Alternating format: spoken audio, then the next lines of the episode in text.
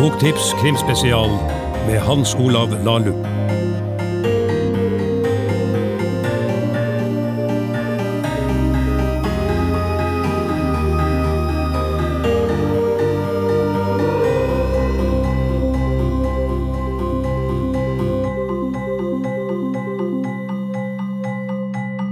Velkommen til Krimfestivalen. Jeg heter Hans Olav Lahlum, og jeg skal i dag snakke litt om fem utvalgte krimromaner. Av andre forfattere, vel å merke. Jeg har ikke valgt ut fem av mine egne. Eh, Det er veldig synd at vi ikke kan møtes fysisk, og at det ikke kan være publikum i salen her i dag, men det er veldig fint at man likevel har fått avholdt festivalen, og at folk har mulighet til å følge det rikholdige programmet her gratis hjemmefra. Eh, Jeg ble bedt om å velge ut fem romaner, og jeg er jo historiker, så det måtte jo bli litt historisk. Og man møter av og til nå, i diskusjoner på nettet og sånt, denne eh, argumentet om at eh, det skrives mye bra krim nå, men det er veldig dårlig hvis man leser bare noen år tilbake, og det er nesten ikke skrevet bra krim fra mer enn 14 år tilbake, eller hva det er folk sier. Og jeg er jo uenig i det, for det er helt klart at det ble skrevet og utgitt mye dårlig krim før, hvis man blar i de historiske arkivene. Det hender at jeg leste gamle krimromaner og ble ganske opprørt over hvor dårlig nivået er. Samtidig så var det veldig varierende den gangen også, og de aller beste krimforfatterne vil jeg mene at har skrevet eh, lesverdig krim helt tilbake til godt inn på 1800-tallet. Så eh, det er en blandet historie der. Så er det selvsagt slik at det er mange forutsetninger som blir annerledes når man leser krim fra noen år tilbake med tekniske ting, og som gjør det vanskeligere for dagens lesere å kjenne seg igjen der. Men de virkelig gode krimromanene, de virkelig gode mysteriene, de virkelig gode personskildringene, de er fortsatt uh, lesbare om man går både 50, 100 og 150 år tilbake i tid. Så er jo jeg historiker, og når jeg skriver bøker som historiker, så bygger jeg i veldig stor grad på bøkene fra tidligere historikere. Jeg viser til den og den historikeren som tidligere har skrevet om det og det emnet eller den og den personen, og kommet fram til det og det. Det er et byggverk hvor vi begynner med å legge masse byggesteiner fra andre, før man begynner å bygge sine egne steiner på toppen. Det er litt annerledes, men samtidig litt lignende på krim, og jeg har da valgt ut i dag fem romaner som jeg også, som jeg skal redegjøre for, har hatt en viss nytte av i mitt forfatterskap, og som har hatt en viss betydning for meg, utover den lesegleden jeg hadde da jeg eh, leste dem.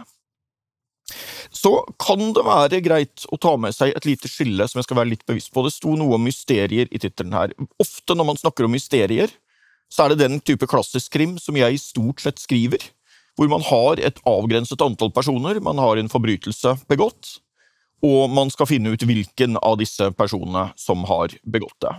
Så finnes det det man tidvis snakker om som thrillere, men som for så vidt godt kan være krim, hvor, eller til og med klassisk krim, hvor spørsmålet mer er hvor, hvem der ute er morderen, og hvordan finner man tak i dem.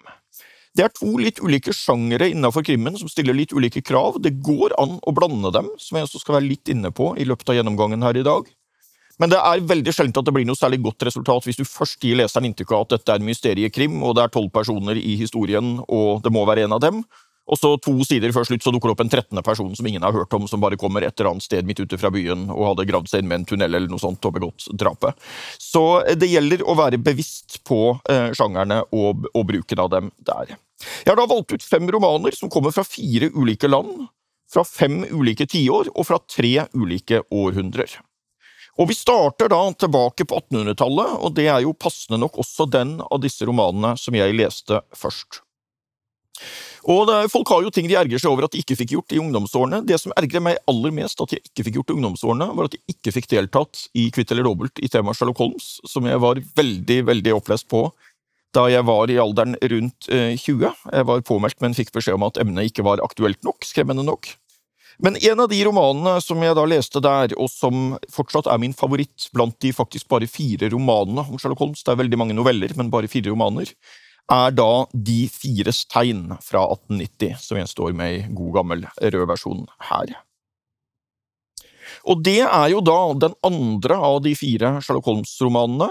Han har relativt nylig møtt dr. Watson, og det starter med at dr. Watson bekymrer seg over at Sherlock Holmes sitter og tar seg en sprøyte kokain i kamp mot denne uvirksomheten. Det er jo en ganske spesiell start på en roman, at den begynner med at hovedpersonen tar en sprøyte med et narkotisk middel. Så finner han en sak som engasjerer han, og trenger ikke å ta mer kokain resten av historien. Det dukker opp en ung dame med en far som i sin tid var offiser i India, som for mange år siden forsvant sporløst da han var kommet tilbake til England for å møte datteren, og det er aldri blitt oppklart hva som skjedde. Hun har en gang i året de siste årene fått tilsendt en dyr perle i posten, uten noen videre forklaring. Nå er det kommet et brev fra en mystisk venn, eh, anonym venn, som ber henne ta med seg inntil to venner og møte ham på et bestemt sted for å få oppklart hva som skjedde med eh, faren hennes.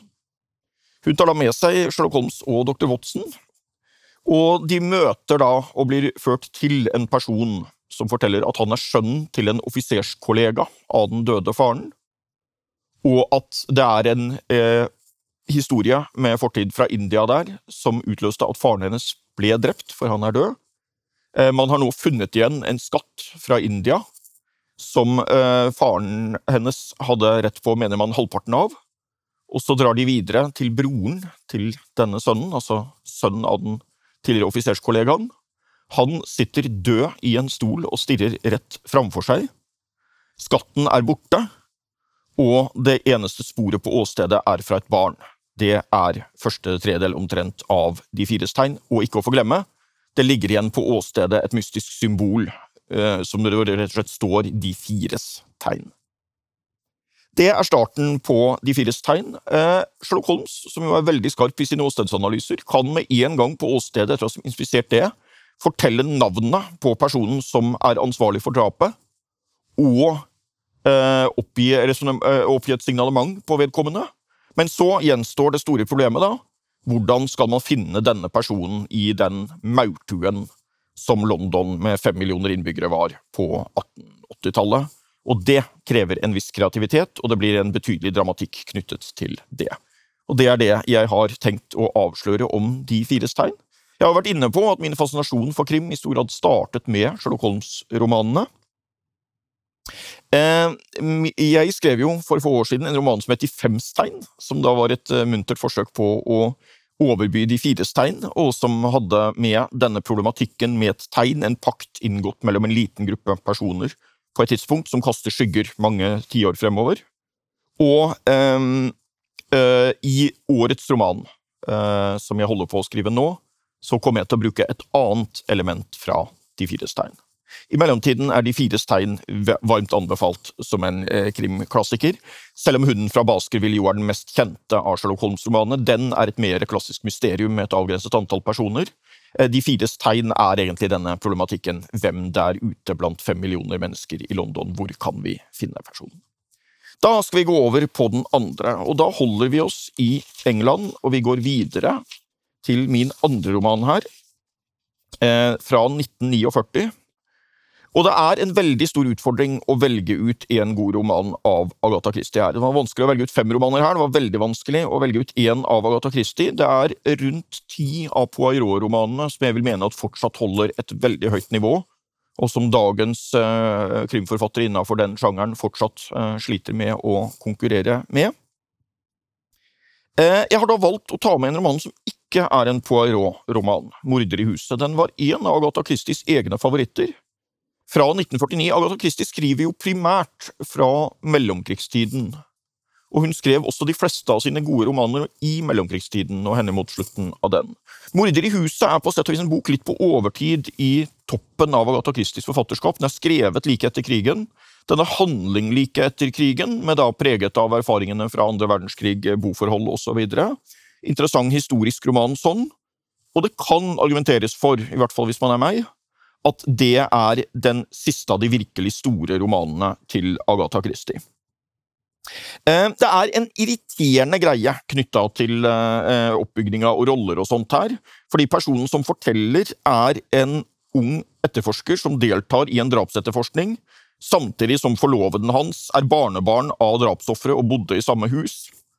Og det er litt drøy uh, rolleblanding selv til å være 1940-tallet og selv til å være Agatha Christie. Men når det er sagt, så er det et veldig fascinerende, nervepirrende familiedrama, dette. Det er en 85 år gammel uh, patriark som har dominert familien, har hele familien med barn og barnebarn og svigerbarn og huslærere og hva det er, i et stort hus. Eh, han er blitt forgifta, og spørsmålet er da sånn klassisk mysteriestil hvem av de andre i familien, eller i hvert fall da i boligen, eh, har eh, så å si gjort opprør og drept denne gamle patriarken. Og hvorfor har man gjort det? Han var en svært gammel mann. Er det arv som spiller inn? Er det andre hensyn? Hva er det som har spilt inn? Og her ser vi da Agatha Christie med de logiske plottene, som er der jeg prøver å kopiere Agatha Christie og latt meg inspirere av henne, så er det et fremragende logisk mysterium. Det er veldig vanskelig etter å ha lest 'Morder i huset' og hørt løsningen, og, og hørt løsningen, og klare å konstruere en annen løsning som passer like godt med alle de opplysningene man har fått. Man gleder seg hvis man så løsningen, man ergrer seg på seg selv hvis man ikke klarte å eh, gjennomskue den. Eh, for å hinte litt mer, så er det slik at det også én karakter av Agatha Christie ble kritisert for å ha litt enkle karakterer. og Hun bemerket visstnok ved en anledning at hvis folk vil at uh, disse romankarakterene skal være noe annet enn enkle, overfladiske uh, typer, så kan de jo skrive sjæl. Men det er én karakter her i denne romanen som er ganske fascinerende og spiller en nøkkelrolle. Og det er det tolv år gamle, veldig intelligente og ganske detektivaktige barnebarnet til den avdøde, som så å si har vært en liten detektiv i husholdningen og gått rundt og notert ting. Og dagboken hennes, som på mystisk vis har forsvunnet, den blir et stort mysterium i det hele. Hvor i all verden i huset ble det av dagboken til barnebarnet, og hva var det som sto i dagboken som kan oppklare drapet på bestefaren? Eh, det var en anmelder eh, i Norge for en del år siden som skrev om meg at denne Hans Olav Lahlum er jo bare en gjenfødt Agatha Christie. Og det får jeg jo prøve å leve med. Det er flere ganger kåret til eh, verdens beste krimforfatter, så det er godt til å leve med innafor den klassiske krim-generen. Eh, jeg har jo tilegnet en av romanene mine, 'Satellittmenneskene', til henne, og jeg forsto kanskje ikke helt før etter at jeg hadde skrevet 'Satellittmenneskene', hvor inspirert den var av morder i huset.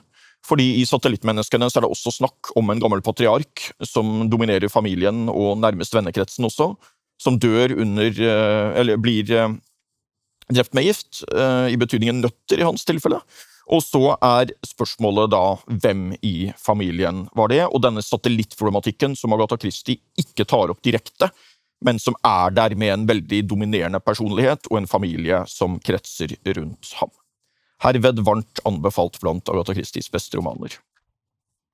Så har jeg jo de tre jeg pleier å si at er mine største forbilder når jeg skriver, og det er da um, Sherlock Holmes-romanene på hovedpersoner og dynamikken mellom dem.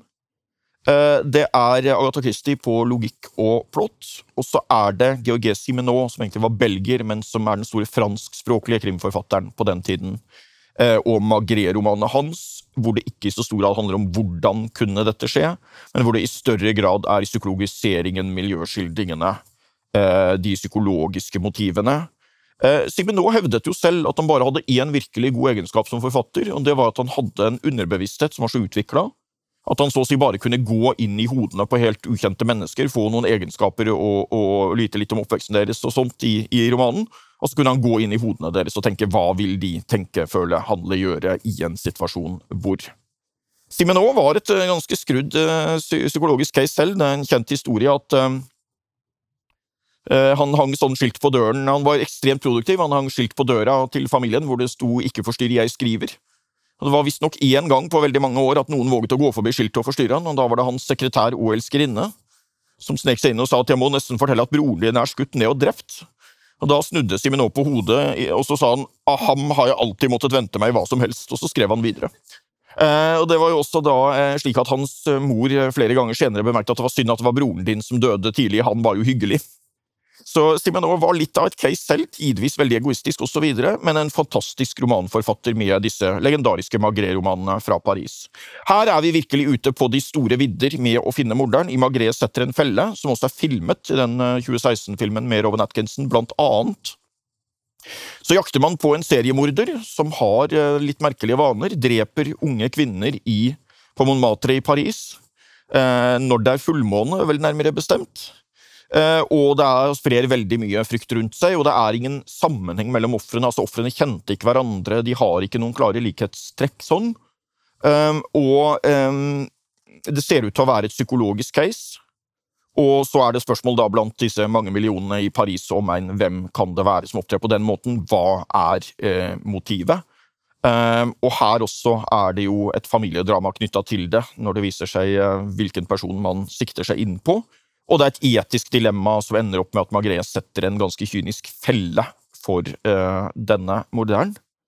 Og så skal jeg denne gangen nevne en replikk som spiller en nøkkelrolle. en virkelig sånn, Det er noen romaner hvor du har én sånn isnende replikk som liksom oppklarer alt. Og i denne romanen skal jeg avsløre såpass mye som at den virkelig isnende, oppklarende, tankevekkende replikken er Kjolen var blå. Og hvordan kjolen var blå kan være en sånn skremmende, oppklarende replikk, det må man da lese boken for å finne ut. Eh, og den eh, inspirerte meg. Jeg har jo også tilegnet noe til eh. Og det er særlig da min roman Maurtuemordene som har litt av det samme i mindre skala i Oslo, hvor man har en morder som jakter på unge kvinner og dreper dem, og i det tilfellet står og venter på dem når de kommer. Hvordan kan denne morderen vite når det skal komme en ung dame alene forbi? Eh, og det er da en eh, Simenot-inspirert eh, eh, problematikk, men Simenot og Magré-romanene har jeg på en måte alltid med meg når jeg skriver, så det er også en byggestein eh, der. Den er da fra 1955, som var en god periode i Magré-serien. En veldig lang serie fra 31 til 72. Da Magré var i toppform, så regnet han 14 dager på å skrive en roman. Han hadde tolv kapitler med én dag per kapittel, og så hadde han én dag til planlegging og én dag til korrektur. Og det verste er at mange av de ble veldig gode. Da skal vi bevege oss videre eh, frem mot vår tid, og vi skal bevege oss fram til Norge. Og i Norge så kommer det jo en stor sosialrealistisk bølge i krimmen, eh, inspirert av Sjøvald Valøy i Sverige. Så kommer det jo også i Norge en sosialrealistisk bølge på 19, siste del av 1970-tallet og tidlig 80-tall. Og den fremste eksponenten for den er jo en forfatter som jeg alltid har med meg når jeg skriver krim, nemlig Gunnar Staalesen. Og der er det vanskelig å velge ut. Det er nå en romanserie som er på vei inn i sitt sjette tiår. Det er ikke kommet noen roman på 2020-tallet i Varg Veum-serien, men jeg forstår at det kommer til å gjøre det. Og de første kommer jo da eh, på andre del av 70-tallet. Så det er en unikt lang serie sånn. Alle romanene i serien er godt lesverdige. De varierer fra det meget gode til det aldeles glimrende, slik jeg eh, leser de. Eh, denne romanen jeg har valgt ut, er da I mørket er alle ulver grå, som kom i 1983. Eh, det var et tidspunkt hvor jeg, når jeg da bare har lest serien i speilet bakfra Jeg fulgte den jo ikke med de første romanene, siden jeg da var et lite barn. Så syns jeg nok at den serien startet litt sånn nølende uferdig. Veldig lovende, men litt nølende uferdig utformet. Og at den på begynnelsen av 80-tallet har funnet sin form og er på en veldig stigende formkurve. I mørket er alle ulver grå er blant de tre-fire beste romanene fra serien, uten at jeg dermed skal si at det er den beste. Jeg ville kanskje hatt Falne engler som nummer én, men I mørket er alle ulver grå er helt der oppe. Og den har en tematikk som er veldig nær opp mot det jeg jobber med, en forhistorie fra krigen, som slår ut noen tiår senere. Jeg traff Hjalmar Nymark på den kafeen der jeg var begynt å vanke den vinteren Solveig forlot meg, er en klassisk introduksjon på I mørket er alle ulver grå. Hjalmar Nymark er en tidligere politimann som fortsatt sliter med hendelser han ikke fikk oppklart i løpet av sin politikarriere, og det er særlig én sak som har bitt seg fast. En, eh, en, en nazisympatisør som man bare kalte rottegiften under krigen, som det aldri ble helt oppklart hva som skjedde med. Mulige koblinger både åpenbart til drap under krigen, men også videre til en helt forferdelig tragedie noen år etter krigen, en stor fabrikkbrann hvor veldig mange eh, av arbeiderne omkom. Og det er sterke sosialrealistiske skildringer, eksempel i møte med en av de overlevende fra denne brannen tre tiår tidligere, som er i live, men som kalles Branntomten, og som har et utseende fortsatt preget av det etter den tragedien han da opplevde. Eh, for igjen da å sitere en tidligere norsk utenriksminister som sa at det er min mening, og den må jeg respektere. Gunnar Staalesen er alt i alt den største norske krimforfatteren noensinne. Det er den beste norske krimserien noensinne, nå også den lengste i moderne tid. I mørket er alle ulver grå, beveger seg vel litt i et grenseland mellom at du har et avgrenset antall personer du kjenner identiteten på, og at det mest sannsynlig er en av de som står bak, men samtidig det usikre elementet med om det kan være andre der ute som sitter med viktig informasjon og personer man ikke har møtt. Jeg skal ikke avsløre noe nærmere om løsningen, men det er en av de beste romanene med forhistorie fra krigen, blant de mange som er kommet også senere. Så holder vi oss i Norden, men tar en liten avstikker inn på 2000-tallet og litt ut i havet. Og da skal vi til den siste store krimforfatterfavoritten min, i den forstand at det var den jeg oppdaget sist. Og denne forfatteren hadde jeg aldri lest da jeg begynte å skrive krim. Eh, min første krimroman kom i 2010, så hadde jeg bare hørt om han som et navn. Og jeg oppdaget ham på en litt merkelig måte, fordi i 2015 så var jeg nominert til den såkalte Petrona-prisen i Storbritannia for beste til, beste nordiske krimroman oversatt til engelsk. Og vi var seks nominerte, og jeg tenkte at da må jeg eh, lese meg opp eh, på, på de andre. Og en av de andre nominerte var da Arnaldur Indridason fra Island, som også eh, er delvis utdannet historiker. Jobbet noe som journalist også, og, og, jobbet en del med, med, film og filmhistorie også. Og eh, som forfatterdebuterte i relativt voksen alder, men slo voldsomt an med de første romanene tidlig på 2000-tallet. Eh, og det må jeg innrømme at det var jo sånn, i ettertid en litt, sånn, det er en litt rar opplevelse å være nominert til en litteraturpris, særlig i utlandet. Man håper jo selvsagt på at man kan vinne. Og så må jeg innrømme at da jeg hadde lest Arnaldur Indridason, og den romanen han var nominert for, så tenkte jeg at dessverre, dette vinner jeg ikke. For det kan jo godt være at han ikke får prisen, for det kan være at han har skrevet bedre romaner enn dette, og det kan jo tenkes at noen av de andre ikke har fått lest og er enda bedre enn dette. Men dette er bedre enn det jeg presterer, og jeg kan vel ikke vinne dette foran Arnaldur Indridason. Det gjorde jeg da heller ikke. Eh, ingen av oss eh, vant, men det er en eh, annen historie. Romanen Gravstille fra 2001 Eh, nå, ja, eh, det fikk jeg endelig anbefalt en Cappelen Dam-bok etter at Knut Ørvild har stått med en pistol i bakgrunnen og siktet på meg her en stund. Eh, sånn at den Arnold Indridason kommer med stadig nye lesverdige romaner på norsk. Det er vel riktig å si at forfatterskapet hans startet på toppen, i den forstand at han fikk skapte voldsomme forventninger med de første romanene.